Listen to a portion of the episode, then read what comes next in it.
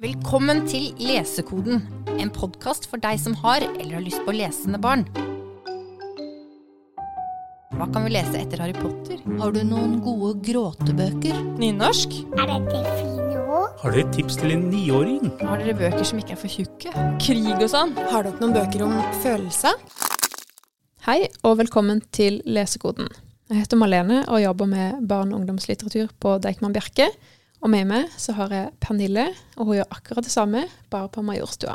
Hei, Pernille. Hei, Malene. I dag så skal vi svare på spørsmålet har dere noen bøker om døden her i Lesekoden. For når man er trist og lei seg, så kan det være vanskelig, for å ikke si nesten umulig, å sette ord på hvordan man har det. Det kan føles som alle ord er brukt opp, eller at ingen ord er gode nok. Derfor kan det å lese en bok om noen som har det på samme måte, være til hjelp eller trøst. Så eh, vi har funnet fram til noen tips eh, til barn i alderen 6 til 12 år. Og det skal sies at vi også har en egen episode om billedbøker for litt yngre barn. Det finnes mange former for sorg og mange måter å sørge på, men de bøkene vi har funnet fram nå, de handler om døden, som sagt, og om å miste noen man er glad i. Eh, og i, de, I den boken som ligger foran oss, så har vi bøker om å miste dyr, en venn, søsken, foreldre og besteforeldre. Og vi kommer til å starte med bøker for de yngste, altså fra seks år, og bevege oss oppover i alder. Og Pernille, hva er det som er viktig å tenke på når man skal lese disse bøkene, eller gi det til noen barn?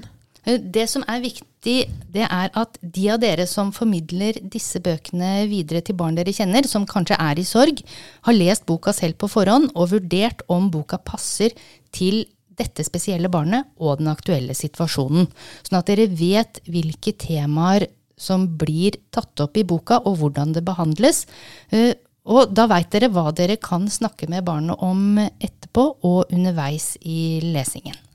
Ja, og så er det også viktig å ikke presse disse bøkene for mye på barnet, men heller vise at de fins, og vise at man er til stede hvis man har lyst til å snakke om det, eller lese bøkene sammen. Sånn at man heller tar imot det, istedenfor å, eh, å pushe for mye. For noen barn så kan det være tungt å lese historier som ligger veldig tett opptil det de har erfart selv. Det kan bli for mye. Det kommer helt an på hvor de er i bearbeidingen av sorgen.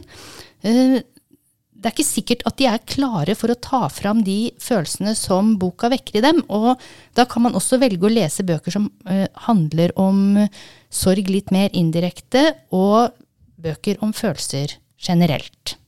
Og mange bøker handler som sagt om eh, tap av kjæledyr. Dette er ikke alltid tilstrekkelig, men det kan være en veldig fin inngangsvinkel for å snakke med barn om sykdom og død. En av bøkene som vi vil trekke fram her, er 'Katten som elsket regn'. Den er skrevet av den kjente og kjære svenske forfatteren Henning Mankell, og handler om Lukas. Lukas er seks år og får en katt som han kaller Natt fordi den er helt sort. De to blir fort bestevenner, men en mørk regnværsnatt forsvinner katten plutselig. Familien de leiter og leiter, og Lukas rømmer til slutt hjemmefra for å finne vennen sin, men til ingen nytte. Pappa foreslår at Natt kanskje har slått seg ned i regnlandet, og en natt så møter Lukas katten i drømmen. Dette er en veldig fin bok som passer godt til høytlesning for barn da i alderen seks til syv år. I Helen, Helena Hedlunds tredje bok om Kjersti, 'Kjersti, livet og døden', så har Kjersti blitt åtte år. Hun har en katt som hun har vokst opp med, og en morfar som hun nesten ikke kjenner. Når han kommer og bor hos dem sånn ca. én uke i året, så syns hun det er veldig ubehagelig. Hun slapper ikke av med han, hun trives ikke sammen med morfaren sin. Så når han dør, så sørger ikke Kjersti noe særlig. Altså hun, hun, sørger i hvert fall ikke sånn som omgivelsene venter at hun skal, men hun observerer mora si, og hun ser at moren er veldig, veldig trist og gråter mye. Men når katta til Kjersti dør, da henter hun fram de virkelig store følelsene. Altså hun overveldes av fortvilelse og raseri, og hun bruker lang tid på å forsone seg med at pappa ikke hadde noe valg da han var med den katta hos veterinæren. Det er noen motiver som dukker opp i mange av de bøkene som vi har med, eh, og i barnebøker som handler om døden og om sykdom. Og det er motiver som himmel og hav, båter og skip og fisker og sjødyr. Generelt livet i fjæra og ved havet. Så her har vi tatt med tre bøker som har dette til felles, men som likevel er ganske forskjellige. Den første det er 'Jenta fra den andre sida'. Den er skrevet av Eldrid Johansen og illustrert av Rikke Fjell Jansen. Dette er en leseløve, nærmere bestemt en grøsserløve, som handler om en gutt på seks år som har flytta inn hos farfaren sin sammen med foreldrene etter at farmora døde. Han syns det er vanskelig å få venner på det nye stedet, men så, en dag han er nede og leker på stranda, så møter han en jente på sin egen alder. Hun er kjempehyggelig og gøy å leke med, men det er noe som ikke stemmer. For hun er veldig kald og veldig bleik, og ingen andre kan se henne. Dessuten så heter hun Gudrun, nemlig det samme som farmora. Prikk, prikk, prikk. Dette er en fin og spennende og litt ekkel historie som handler om vennskap og savn. Den er fin å lese sammen, men man kan også lese den alene. Den passer fint for de som er mellom seks og åtte år. Himmel og hav og fiskevær er også bakteppet i Bror min, som er skrevet av Laura Djupvik og illustrert av Øyvind Thorsæter. Her møtte vi ei jente som har mista storebroren sin for en stund siden. En dag så er hun og faren ute og fisker, og de får noe stort og tungt på kroken. Det er ikke en kjempestor fisk. Det er faktisk broren som de fisker opp fra dypet. Eh, De får han inn og gir han et varmt bad og tørre klær, for broren er faktisk på en måte i live. Og først er det fint å ha broren sin tilbake, men etter ikke lang tid så skjønner de at det er noe som ikke stemmer helt. Han eh, hører ikke til i den verden lenger, og han har det faktisk bedre der han kom fra. Så til slutt så lar de han eh, vasse ned, ned i havet og tilbake til dypet. Dette er en eh, veldig filosofisk og nøktern eh, historie om sorg og savn, og den kan være en fin måte å snakke om eh, hva døden er, og hva som skjer med de som dør. Og passer for barn mellom seks og åtte år. Tråder forandrer ingenting er en tredje historie fra et havlandskap. Her møter vi ei jente på åtte år som har mista faren sin eh, og er hos besteforeldrene på sommerferie. I starten så virker hun ikke så trist eller prega, men da de ikke klarer å redde en stranda nise fra å dø, eh, så ser vi eh, mer og mer hvor stor plass denne sorgen tar i henne. Dette er en trist og varm historie som gjør veldig stort inntrykk. Den har veldig klare og enkle rammer som er fine å ha som utgangspunkt i en samtale. Også fordi det er i et ganske kjent miljø. Det er hjemme hos bestemor, bestemor og bestefar. Eh, og det er vafler, og det er kakao, og det er ting som mange vil forbinde med noe som er trygt. Så de tre siste bøkene har som sagt himmel og hav og skip som sentrale motiver. Og dette er jo også ganske sentrale religiøse motiver. Disse bøkene er ikke desidert knytta til noen religion. Men Pernille, to bøker som er det, er Ja, jeg har tatt med to bøker fra IKO forlag. Altså IKO forlag det er Kristelig pedagogisk senter. Den første av dem det er Trøstehunden av Anne Kristin Åsmund Tveit. Den kom i 2012. Det er en ganske liten og, og kort fortelling, og her er det familiens hund som forteller historien. Det starter eh, like før jul, og pappa har glemt å kjøpe juletre, så mamma litt sånn irritert og i full fart sier at «Ja, jeg får gjøre det, jeg. Hun setter seg i bilen, kjører av gårde, og kommer ikke hjem igjen. For på vei til å kjøpe det juletreet, så omkommer mamma i en trafikkulykke. Og hjemme er eh, pappa, som føler enorm skyld. Han låser seg inne og klarer ikke å snakke med døtrene sine. De blir fortvila og sinte. De klipper i stykker julepynten, og altså ingen kommuniserer med hverandre. Men hunden den observerer det som skjer med hundeblikket sitt. Og den eh, slikker hender og sover i fotenden på sengene. Og vendepunktet det kommer eh, når jentene og bikkja er og leker på stranda, og hunden nesten omkommer i bølgene, men den klarer seg, og så følger den jentene hjem mot noe som er et tydelig håp i teksten om at de vil få trøst. Den neste boka det er en antologi fra 2002. Den er redigert av Toril Moen. Den heter 'Det er lov å gråte', og den er delt i to deler. Første del det er tekster om motgang generelt, mens den andre delen er tekster om død og sorg. Og her er det samla veldig mye fint. Altså det er tekster fra eldre barnelitteratur også, og så er det en del dikt. Og jeg merker med meg selv, når jeg mister noen og sørger, så er det ofte diktene jeg trekkes mot. Jeg trekkes mot det derre fortetta, eh, meningsfulle språket. Og her er det samla mange fine dikt om sorg og død for barn. Og noen av dem er skrevet av barn også. Det er noen dikt skrevet av tolvåringer her som er veldig fine, og alle har samme tittel. De heter Tanker om sorg. Ja, den er helt nydelig. Og um, den neste boka vi har med, er 'Mor og far i himmelen', som er skrevet av Alf Kjetil Valgermo og illustrert av Øyvind Thorsæter. Her møter vi Maria, som er sånn syv-åtte år gammel, som har mista begge foreldrene i en bilulykke. Boka den er utforma som en bønn, en bønn sett fra et barns synsvinkel.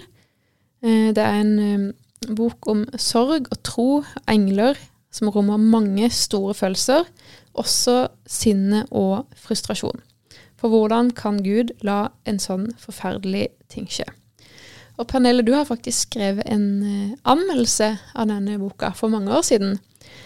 Og Der skriver du at dette er rett og slett en sjeldent pen bok. Øyvind Thorsæter klipper, limer og tegner og bygger illustrasjonene sine. Det er rom nok i teksten til at leseren kan dikte inn følelser selv. Språket er renskåret og poetisk, og selv om boka ikke gir enkle og klare svar, så gir den håp. Vi har en tendens til å tenke at det ikke har vært skrevet så mye om død i barnelitteraturen tidligere, men det stemmer ikke helt. I eldre barnebøker så er døden absolutt til stede. Og det kan jo henge sammen med at levealderen var mye kortere før. Altså det var vanligere å oppleve å miste foreldre og søsken. Eh, og det blir veldig tydelig i særlig to av bøkene. Jeg har tatt med boka om Anniken Prestgarden, skrevet av Svilgmeier. Den kom ut i 1900. Og så har jeg tatt med Fjellmus av Barbara Ring fra 1907. For å snakke om Anniken først. Altså hun er prestedatter. Hun lurer på hva hun skal bruke livet sitt til. Og hun er en sterk og staut og snill jente som leseren rekker å bli veldig glad i før hun faktisk dør i siste kapittel, mens hun holder på å redde livet til to personer som eh, har forulykket i en storm. Eh, døden er til stede tidligere i boka òg, når Anniken sitter på dødsleiet til en venninne som dør av lungesykdom. I Barbara Rings bok om fjellmus så er døden mer et bitema. Det er en naturlig del av handlingen som det ikke deles så veldig mye med. Men fjellmus, Petra, hun er på besøk hos bestefar, og mens hun er der, så får hun vite at lillebroren hennes, Leif, han har drukna i brønnen hjemme. Og Fjellmus blir helt fortvilet, for hun lovte mamma før mamma døde at Fjellmus skulle passe på Leif. Og nå har hun ikke vært hjemme og passet han og så druknet han. Mm. Eh, men hun blir trøsta, og hun går videre i livet. Og dette her, det er en munter og morsom bok. Det, altså, grunntonen er veldig lys. Og disse fortellingene om døden de flettes på en måte bare inn i historien om fjellmus. Ja, en annen bok som også har en litt mer humoristisk undertone, er Brune. Som også er illustrert av Øyvind Thorsæter og skrevet av Håkon Øverås. Den handler om Rune som har mista bestefaren sin, og som også blir erta på skolen. Om dagen så er Rune Rune, men om natta er Rune Brune. En superhelt som ikke er redd for noen ting, og som lister seg rundt med en pensel og maling, og maler ting brunt. Dette er en morsom og spennende og fin bok som handler om vennskap og om å være modig nok til å ta igjen. Denne her kan man lese selv, men funker også veldig bra som høytlesning. Eh, også for barn som er helt fra seks til ti år. Og passer for de som liker å lese om virkelige real life superhelter. Og så kan man jo ikke ha en podkast om bøker om død uten å ta med vår kjente og kjære Brødrene Løvhjerte av Astrid Lindgren. En evig klassiker. Her møter vi jo Jonathan og Kavring, som er brødre. Eh, det oppstår en brann i huset der de bor, og da tar eh, Jonathan, som er storebror, Kavring på ryggen og hopper ut. Han dør i dette fallet. Og ikke så lenge etterpå så dør også Kavring av lungebetennelse. Men de møtes igjen i landet Nangiala, og der går de sammen om å eh, bekjempe den onde Tengil og dragen Katla. Og Det som er så fint med denne boka, er at mange sier at denne har vært med å kurere deres dødsangst da de var små. Så dette er en bok som kan tas ned fra hylla og leses igjen og igjen i generasjoner. Barnepsykolog Magne Raundalen han har sagt at det er lettere for barn å bære en tung historie enn det er å bære en tung hemmelighet. I Tusen stjerners øy så møter vi elleveåringen Tigris. Hun kan ikke gråte, for da blir pappa lei seg. Pappa han sitter i joggebuksa si i stua, og det har han gjort i ti år. Helt siden Tigris sin mamma døde i en bil bilulykke. Og Tigris hun er lei av hemmeligheter. Hun vet at det er ting pappa skjuler for henne. Hun vet det er ting han ikke vil snakke om. Men på elleveårsdagen så forandrer alt seg. Hun finner en tom kasse. På den så står det Lyras ting. Men den er tom, og Lyra, det var mamma. Så hun tar mammas kasse med inn på rommet sitt. Og om natta til elleveårsdagen så får hun ikke sove, så hun står opp og lukker opp lokket på kassa, og så oppdager hun at den er akkurat stor nok til at hun får plass oppi, så hun setter seg oppi den, lukker lokket og sovner. Og når hun våkner igjen, så er hun ute på uendelighetens hav, som vugger henne av gårde til tusen stjerners øy. Og der er det sånn at alt som fins i det virkelige livet, det fins her også, men det har fått nye former og nye uttrykk, og alt som pappa ikke har orket å snakke om, det er synlig her. Så Tigris hun finner ut at hun hadde en tvillingbror som døde i bilulykken sammen med mamma. Og når hun kommer tilbake til det virkelige livet, så klarer hun ikke å fortelle pappa hva hun har funnet ut, men hun klarer å vise ham raseriet sitt og alle følelsene. Og da klarer etter hvert pappa å ta det valget om å snakke med henne. Og når de finner de ordene de trenger for å snakke sammen, da klarer de å gå videre i livet. Anders Totland han har skrevet 'Engel i snøen'. Hovedpersonen er et barn. Vi får ikke vite kjønn, alder eller navn, men denne hovedpersonen befinner seg på sykehus på noe som eh, virker som en kreftavdeling.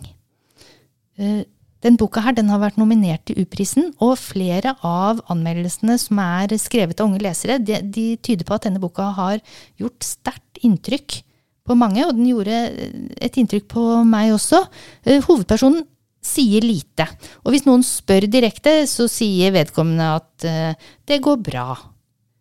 Men leseren får likevel innsikt i personens følelser, for vi får vite masse om livet på sykehuset, hvordan vennskap oppstår, hvordan noen blir friske, mens andre dør.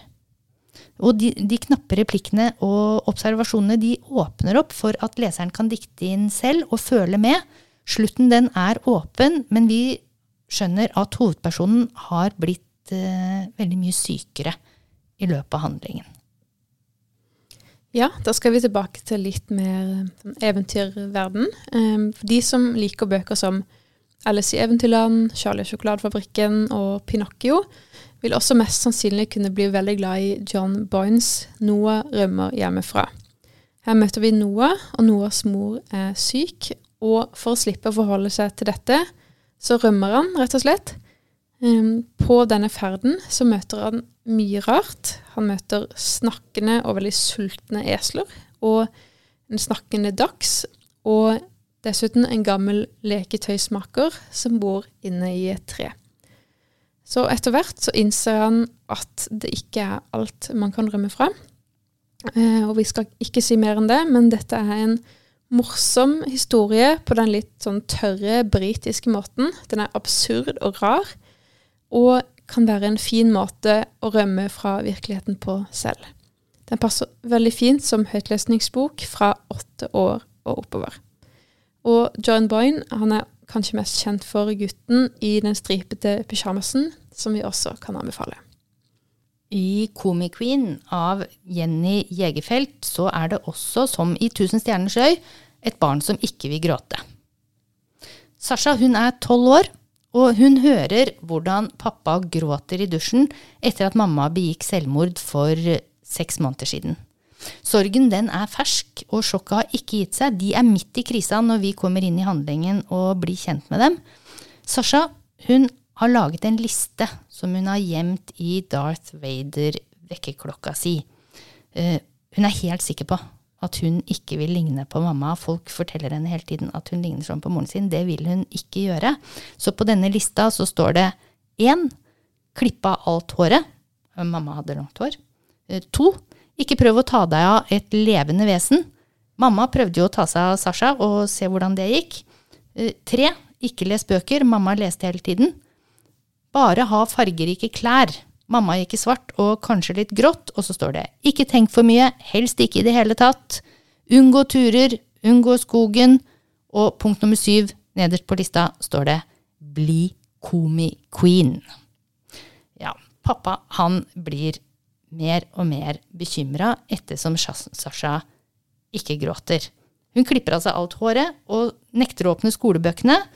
Og så, på bursdagen sin, så sier hun faktisk nei takk til å få en valp som hun har egentlig ønska seg hele livet. Altså, det er jf. dette punktet med å ikke ta seg av levende vesener. Og når hun sier nei til denne valpen uten at pappa skjønner hvorfor, da tar han henne med til BUP, barne- og ungdomspsykiatrisk poliklinikk.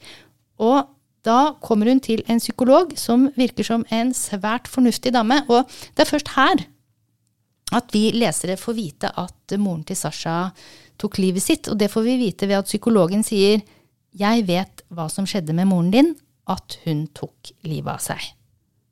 Og det syns Sasha er en eh, bra måte og nøkternt, og ja, godtar den måten å si det på. Mm. Og her klarer hun å sette ord på tankene sine. Hun har masse spørsmål, og hun får gode svar. Jeg syns denne psykologen her er flink til å forklare depresjon og psykisk sykdom sånn at man forstår det. Eh, men tilbake til dette her med å bli komiqueen. Altså, Sashas vei mot standup-scenen, den er hylende morsom. I denne boka så er det tristeste triste blanda med det morsomste, altså i mølje. Eh, og det er først når Sasha blir ordentlig glad når hun ler sånn helt fra magen etter å ha gjennomført en sånn standup-sekvens, vellykka. Når hun begynner å le sånn ordentlig, da begynner hun å gråte også. Og følelsene bare flommer innover henne. Heldigvis er både psykologen og pappa klare til å ta imot. Og dette er en klok bok. Her er det latter i gråten og gråt i latteren, og det, fortelles at det går an å få hjelp og trøst. Helt til slutt i boka så står det Trenger du noen å snakke med? Det finnes flere steder du kan henvende deg til, og så står det telefonnummer til flere ulike hjelpetelefoner. Så fint. Alle kommer til å oppleve sykdom, død og andre triste ting på et eller annet tidspunkt. Eh, det er en fordel å lese bøker om denne typen tematikk uansett om man har opplevd noe trist ennå eller ikke. Man trener på en måte den muskulaturen, og så får man et språk for det når sorgen inntreffer. Det kan også være fint å tenke at vi alle, inkludert barna våre, på et eller annet tidspunkt vil ha folk i vår nærhet som sørger. På skolen og i barnehagen.